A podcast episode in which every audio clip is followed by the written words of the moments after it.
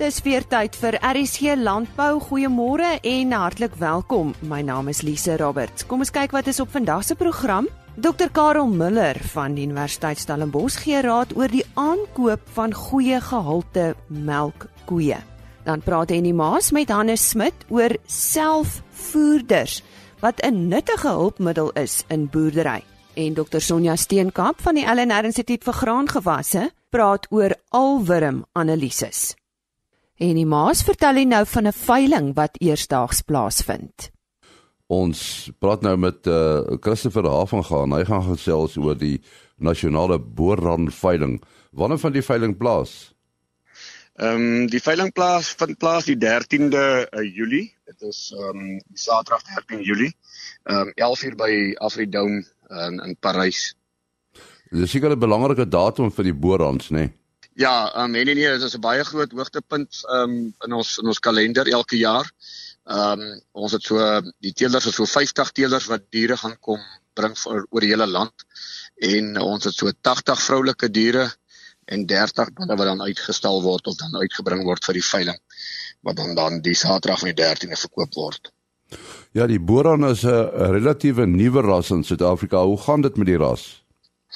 Dit gaan baie goed met die ras. Ons is so 20 jaar. Ons het al in 1995 die eerste embryos ingekom, maar in 2003 is die ras is die rasgenootskap gestig.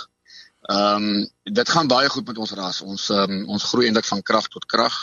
Ehm um, ons is so by die 308 na 310 lede op die stadium met so 40000 tussen 40 en 50000 lede ehm um, diere ook in ons stelsel.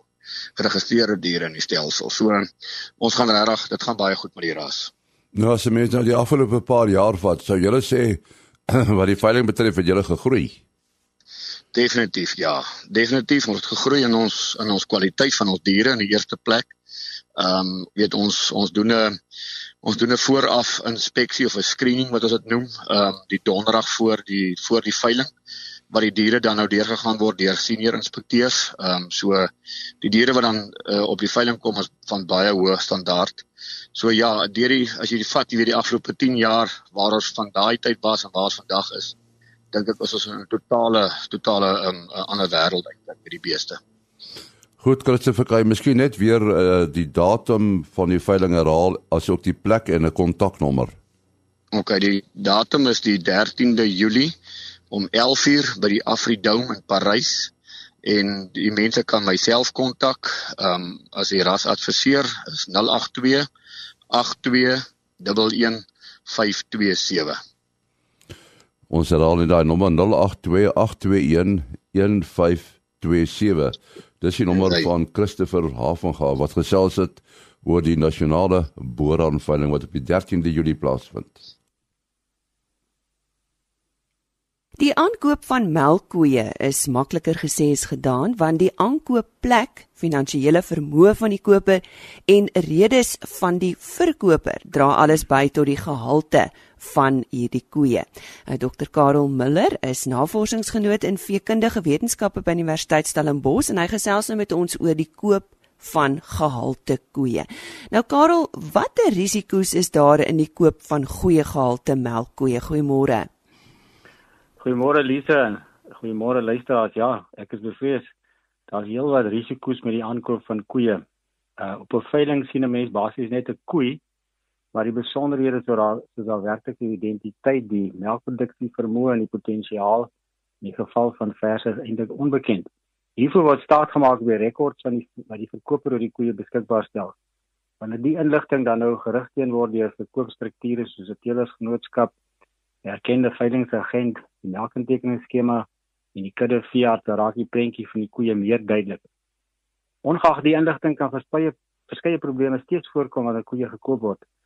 Uh dit is die die probleem is die oorgang van die bestaande tot die nuwe kudde wat eers oor 'n paar dae plaasvind. Dus die koeie word voorberei vir die veiling die dag van die veiling self, die hantering van die koeie in die veilingring en dan natuurlik die vervoer van die koeie na die melkplaas. En uh die probleem is dat uh ek dink die buurman se sleepwa is nie altyd geskik nie. 'n Mens al koeie wat oor lang afstande vervoer word moet 'n mens gebruik maak van 'n erkende vee vervoerder. Iemand wat baie uh bekend is daarvoor om vee oor lang afstande te vervoer. Noem vir ons 'n paar voorbeelde van bloutjies wat kopers geloop het met die aankoop van koeie. Daar's dikwels klagtes oor koeie wat skielik mastitis het. Nou, dalk is die koeie in so 'n toestand aangekoop of het die koe dit gekry na die veiling. Mastitis kan binne enkele dae ontstaan weens verskeie redes, veral wanneer melkings oorgeslaan is weens die veiling en die vervoer. 'n Ander probleem is natuurlik en dit is iets wat ek baie mee te doen gekry het in die verlede is waar die produksie van die koeie as te hoog aangedui word en hulle dan minder produseer as wat die rekord sou aandui. Dalk het die verkoper die melkproduksie opgeblaas of voer die nuwe eienaar eintlik maar net 'n laer kwaliteit dieet as wat die, as wat hulle gekry het toe in die oorspronklike kudde en dan lewer die koeie as gevolg daarvan dan nou 'n laer produksie. Ander gevalle is waar koeie as dragtig verkoop word en dan later gevind word dat hulle nie dragtig is nie. Dit kan veral gebeur wanneer koeie redelik onlangs gekaai is en dragtigheid kort na die kaai bevestig was. Nou hier kan dit 'n geval wees waar resorpsie van die embrio plaasgevind het weens die spanning van die verskywing of in ander gevalle was dit die dragtigheid dragtigheidstoets gewoon verkeerd omdat dit nog te vroeg was. Die ander probleem is is dat koeie ook beserings kan opdoen tydens hul vervoer. Behalwe dit vir koeie uitputtend is om vir lang tye te staan, is daar 'n risiko vir beserings by die oplaai en die aflaai en dan by die nuwe plaas en die koeie eers apart gehou word voordat hulle by die bestaande koeiegroepe gevoeg word met nuwe koeie in 'n groep hoe die sosiale rangorde tussen die koeie in die kamp weer verkry word. Goed, kom ons gesels oor die plek waar koeie gekoop word. Wat wat beveel jy aan? Ja, ek sou dink die die beste plek is dat jy by 'n gevestigde melkkudde uh koeie moet aankoop. Uh die kudde moet verkieslik ook so naas moontlik aan jou eie plaas wees. Uh as dit dan nou nie die geval is nie, veral wanneer mense groot getalle koeie wil koop, ehm um, dan raak die vervoer van daai diere baie krities. Uh, maar met goeie beplanning en 'n goeie vervoerder kan koeie egter heel suksesvol oor groot afstande vervoer word. Ehm um, die, die die met koeie en melk word die aantal melkings wat oorgeslaan word natuurlik net tot die minimum beperk word. Hier by ons in die Wes-Kaap verskuif die koeie moeilik na die Suid-Kaap weens die gevaar van rooi water wat daar is. Uh koeie hier is minder blootgestel aan bosluise en moet koeie deur 'n hele voorafproses gaan om die gevaar van rooi watervlektes in die Suid-Kaap te verminder. Uh dan natuurlik is die koeie hier ook op volvoere in die Suid-Kaap is dit weidingstelsels meer algemeen en dan sal die produksies daarom ook dikwels laer wees en is koeie nie noodwendig gewoond daarom oor hierdie lang afstande te stap nie. Maak dit saak by wie jy koop? Ja, ek dink beslis so die verkoper se integriteit is belangrik asook die gehalte van die rekords wat beskikbaar gestel word. Ehm um, jy weet die uh, ongelukkig soos ek net nou gesê het is dat die, die, die jy sien maar net 'n koei en die rekords bepaal eintlik wat is die kwaliteit wat jy koop. Ek sou byvoorbeeld nie aanbeveel dat koeie op sosiale media soos Facebook aangekoop word nie. Selfs 'n video van beskikbare koeie en ek sê dit in aanhalingstekens kan van ander koeie wees. Ehm uh, en dan natuurlik ehm, 'n uh, koper wat nie die kwaliteit van koeie kan beoordeel nie, moet verkieslik iemand kry wat koeie in die bedryf ken. Nou, uh, watter rol speel 'n veearts as dit kom by die aankoop van hierdie koeie? Die rol van 'n veearts is baie belangrik by veilinge. Nou, wanneer daar 'n veiling onder die beskerming van 'n teelersgenootskap uh, plaasvind, soos byvoorbeeld kuddes wat jaarlikse produksieveilings het of uitverkoping veilings het, sal die eienaar saam met die veilingsagent dan nou reël dat die dragtigheid van die koeie en die en die verse deur 'n veearts bevestig word. Uh veearts sal dan ook 'n sertifikaat gee dat die kudde TB en bruselose vry is. Uh op hierdie sertifikaat sal dan ook die datum wees wanneer die laaste toets gedoen was. En dit moet dan ook beskikbaar wees by met die veiling. Nou gewoonlik sal hulle so iets ehm um, saam met die katalogus beskikbaar stel.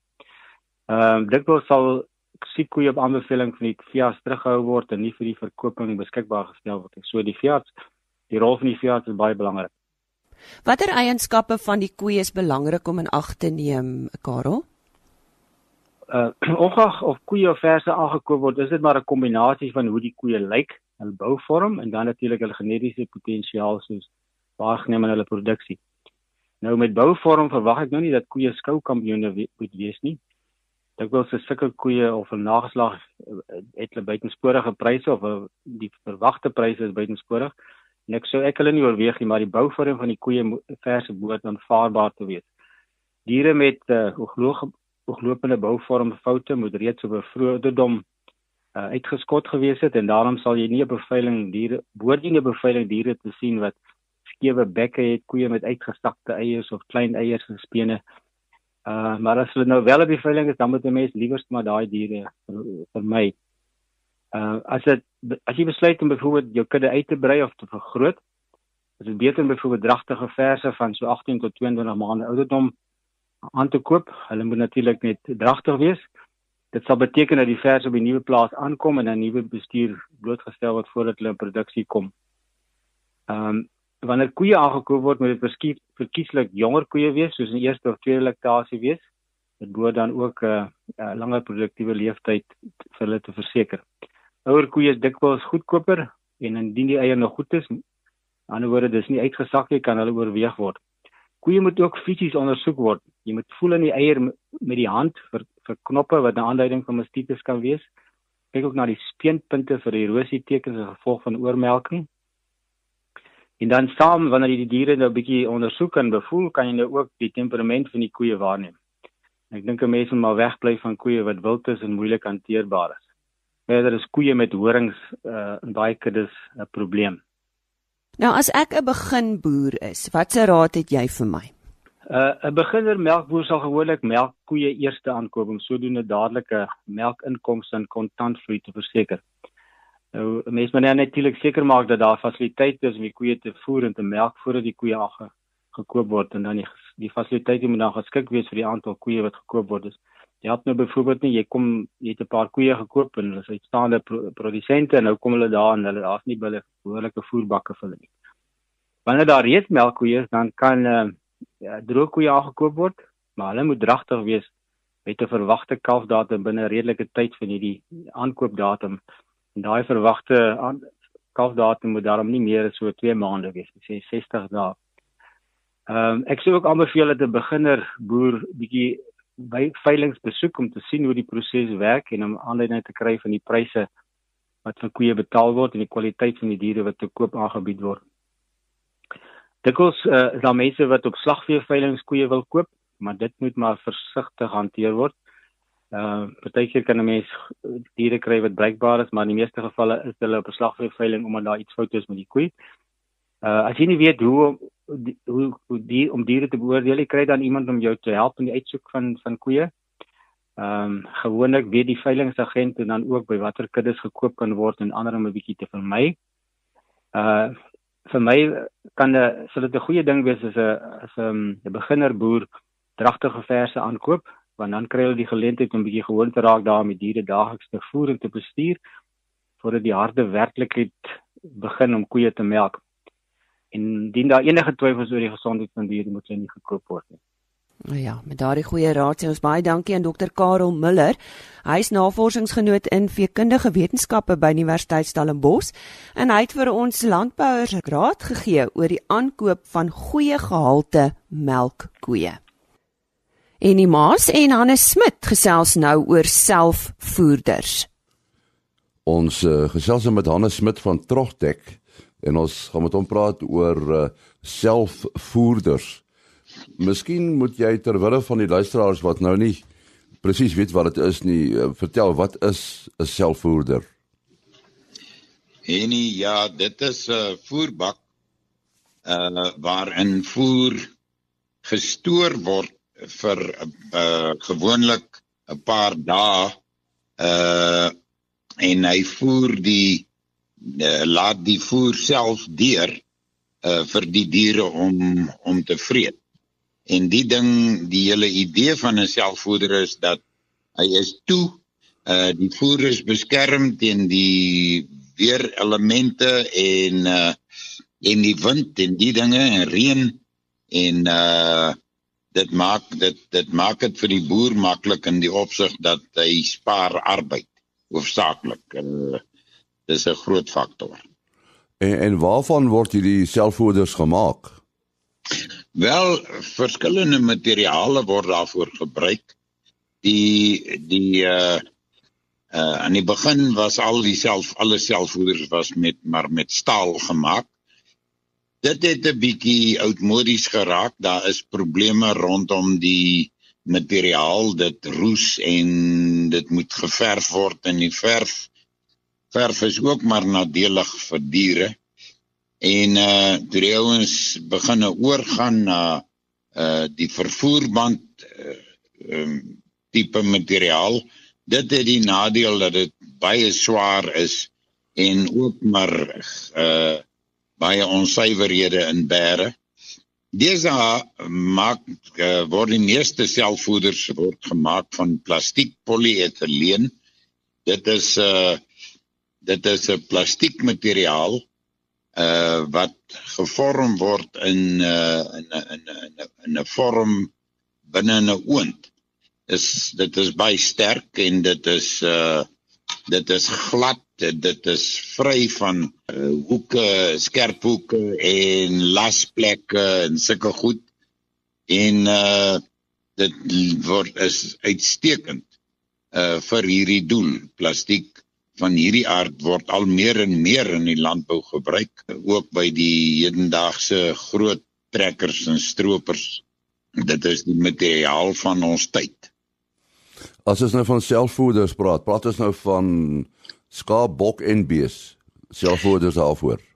Ja, maar uh mens moet die onderskeid maak uh tussen skaap en bok en bees selfvoeders.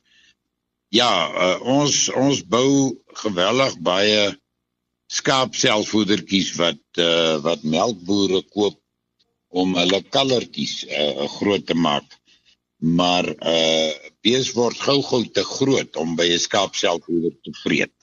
En dan natuurlik uh sogenaamde vreetspasie is ook belangrik, né? Nee? Vreetspasie is baie belangrik. Dit is intedeel een van die bepalende faktore om seker te maak dat jou diere nie mekaar by 'n selfvoeder verdruk nie. Nou ja, ons ons het 'n formule wat ons maar gebruik volgens ons ondervinding en dit is uh is baie eenvoudig eintlik. Al wat jy doen is uh uh jy maal die vreedspasie in meters. Uh met ander woorde as jy selfvoeder het wat twee kante voer en die ding is 2 meter aan 'n kant 4 meter en dan vermenigvuldig jy dit met 8. Dit wil sê jy kan so in die omgewing van 8 uh van van 32 skaap of uh as dit lammers is, miskien 'n klein bietjie meer na 40 toe, maar nie nie meer is dit nie. Kan jy by 'n skaap selfvoeder kos gee? Nou ja, vir bees uh jong bees sal dieselfde ding geld, maar as bees vir groter bees sal jy maar 'n bietjie moet moet moet toegee uh, hulle vat meer uh, vreedspasie as as as 'n skaap. Ja, uh, ons praat nou van 'n selfvoeder. Met ander woorde, die kos is altyd beskikbaar. Uh die diere vreet hulle na behoefte of hoe werk dit? Ja, uh en die uh selfvoeder selfvoeders word hoofsaaklik gebruik waar atlip gevoer word.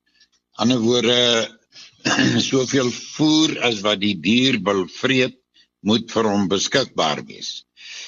Ehm uh, maar daar is daar is ook faktore wat inwerk uh op hierdie ding as ons sê uh hy moet derentyd voer kry, moet ons versigtig wees dat die selfvoeder nie uh oortollige voer deurlaat nie, nie te vinnig voer nie, want dan gaan die vreetbak oorloop en en en dit is vermorsing eintlik is ek sê altyd ek sê altyd vir my kliënte ek wil graag sien dat daar so min voer as moontlik in die bak is sonder dat die bak leeg is. Met ander woorde, die selfvoeder moet stadig genoeg voer dat uh die die diere die voer in die bak kan opvreet.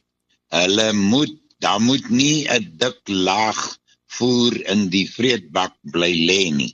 Dit word oud veral skape. Skape is baie sensitief wanneer dit by hulle kos kom. Hulle hulle vreet nie maklik ou voer nie. En as voer oorgelê het vir 'n dag, 2, 3, dit raak vol speeksel en mis en uh, dan wil hulle dit nie meer vreet nie.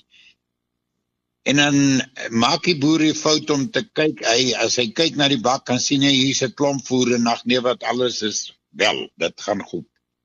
Dit gaan nie goed nie. Daai bak moet leeg gevreet word. Die selfvoeder moet verstel word dat hy so voer dat hy net genoeg voer deurlaat vir uh, die diere wat hy moet kos gee. Nie meer nie en oppas ook aan die ander kant weer vir te min. Hulle jy sal gou agterkom as daar nie kos vir die diere is nie. Interessante gesprek daaroor hierdie selfvoeders en ons het met Hannes Smit van Trogtek gepraat. Ons gesels volgende met Dr Sonja Steenkamp. Sy is senior navorser in nematologie by die LNR Instituut vir Graangewasse op Potchefstroom. En ons fokus nou op 'n analise wat hulle gedoen het oor alwurmprobleme en uh, veral in droë landgebiede. Ja, Sonja, kan ek begin deur vir jou te vra, ehm um, is alwurmbeheer nodig by eenjarige plante? Ons het bietjie gaan kyk na die monsters wat ons ingekry het van Oktober 2018 tot April 2019 en ek bietjie gaan kyk dit geanaliseer en gekyk wat se tipe probleme is daar en hoe lyk die probleme. En volgens dit is alwerm probleme nogal baie baie groot. Die twee belangrikste alwerms wat ons gekry het is die knopwortel alwerm en die letsel alwerm so ja dit is definitief nodig om um, beheer te doen Miskien moet jy vir ons uh, net duidelikheid gee oor hoe groot die skade was. Van al die monsters wat ons gekry het, het, het ek by 77% opgetel dat daar wel alweer probleme is. En van daai 77% het 6% van hulle beide knopwortel net so alweer gehad, so beide van die alweerms was 'n probleem daar gewees. 4% het ek net letsel alweer opgetel wat die probleem is, maar met 90% van daai um, alwerm monsters was daar knopwortel alwerm probleme. So knopwortel alwerm is die grootste kulprit en dit is die grootste sonnebok wat die boere kan kry. Die getalle van daai goed het gestrek van 209 knopwortel alwerms per 50 gram wortels tot kort diskant 'n miljoen knopwortel alwerms per 50 gram wortels. En wat beteken hierdie getalle? Om dit te kan verstaan moet 'n mens eers weet hoe hierdie parasiete voed. Nou letsel alwerms kan beide binne en rondom buite binne en buite die wortelvoet en as hulle buite om die wortel voet dan vreet hulle die die eerste sellaag af wat rondom die wortel sit en dit is natuurlik waar die wortelhare sit en dit veroorsaak dat die plant dan nie behoorlik die water en die voedingsstowwe kan opneem nie. As hulle binne in die plant ingaan, binne in die wortel self, dan beskadig hulle die selle in die wortel en Hulle kan partykeer dit hang af van hoe erg die besmetting is, kan hulle partykeer dan ook die vaatbondels verstop en dan obviously kan die of dan kan die plant natuurlik nou glad nie water of voedingsstowwe dan nou opneem nie en hy vrek voordat die boer nog naby aan die oes kan kom. En die letseloorworms se skade kan gesien word as breinletsels wat dikwels deur skade van ander organismes of ander meganiese skade verdoesel kan word, so mense kan dit nie regtig sien nie. Die ander een, die groot sonnebok, is die is die knopwortel alwerm en hulle maak die kenmerkende galle op die wortels. Nou wat gebeur daar is die knopwortel alwerm dring binne in die wortel in sodra die eiertjie begin uit of sodra die eiertjie uitgebroei het, dan bly sy vir die res van haar lewe daar en sy maak van die plant se selle self reuse selle wat dan vir haar kos maak. En daai reuse selle is dit wat die kenmerkende galle opmaak. So basies wat die produsent sien as hy galle op die gewasse se wortel sien, is hy sien uh die kombuis van die knopwortel alwerm wyfie. Nou beide die knopwortel alwerm en die letsel alwerm beskadig dus die wortels van die plant. En dit veroorsaak dat die plant nou natuurlik nou nie die water en die voedingsstowwe effektief kan opneem nie en dit kan jy dan nou bo-grond sien. Dis wat hierdie geel kolle ehm um, siek plante in die lande veroorsaak of laat die plante verlet lyk of laat hulle verdwerg lyk. Sonja, wat is die dan die oorsaak van hierdie infestasie? Dink jy daar word nie genoeg alwurmdoders gebruik nie? Die alwurmdoders oor die algemeen is baie duur en dit is veral die droëland produsente omdat hulle um, insetkoste so hoog is of dit dit kos duur vir hulle. Wil hulle nie altyd alwurmbeheer toepas nie want hulle sien die alwurms En omdat hulle dan nou nie met die alwurmdoders sommer van plant af al begin werk nie, dan begin ons hierdie skade kry. Probleem is Mens kan nie ontslaa raak van hulle nie. Hulle sal altyd daar in die grond wees. So wat jy moet probeer doen is om die getalle laag genoeg te hou sodat die skade wat hulle doen nie aan jou sak raak nie. En dis wat gebeur as die boere dan nou nie van plant af al alwormbeheer toepas nie en alwormdoders gebruik nie, dan sal hierdie getalle die hoogte inskiet soos wat ons hierdie afgelope somer gesien gesien het. Maar dit is nie net die droëland uh, boere nie, dis veral by besproeiing wat hierdie probleme soos daai oor die 1 miljoen um eiers of en, en, eiers en larwes per 50 gram wortelmonster.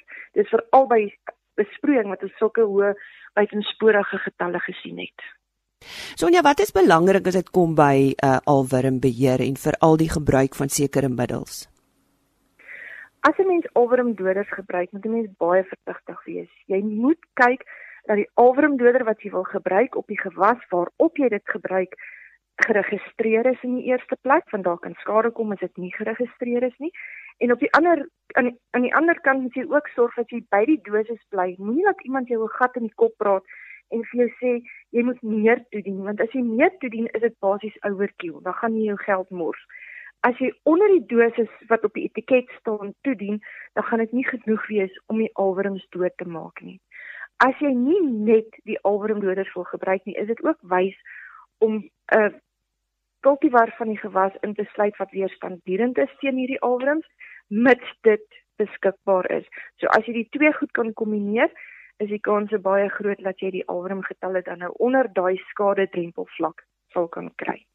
Ja, dit was goeie raad vanaf uh, Dr. Sonja Steenkamp. Sy is senior navorser in nematologie by die uh, eh, LNR Instituut vir Graan gewasse daar op Potchefstroom en sy het vir ons raad gegee oor uh, alwurmbeheer. Baie dankie dat jy saam met ons gekuier het vir nog 'n aflewering van RSG Landbou vir oggend en maak gerus môre oggend weer so. Bly warm en dan gesels ons weer môre. Totsiens. RSG Landbou is 'n produksie van Plaas Media. Produksieregisseur Henny Maas. Aanbieding Lisa Roberts. En inhoudskoördineerder Jolandi Root.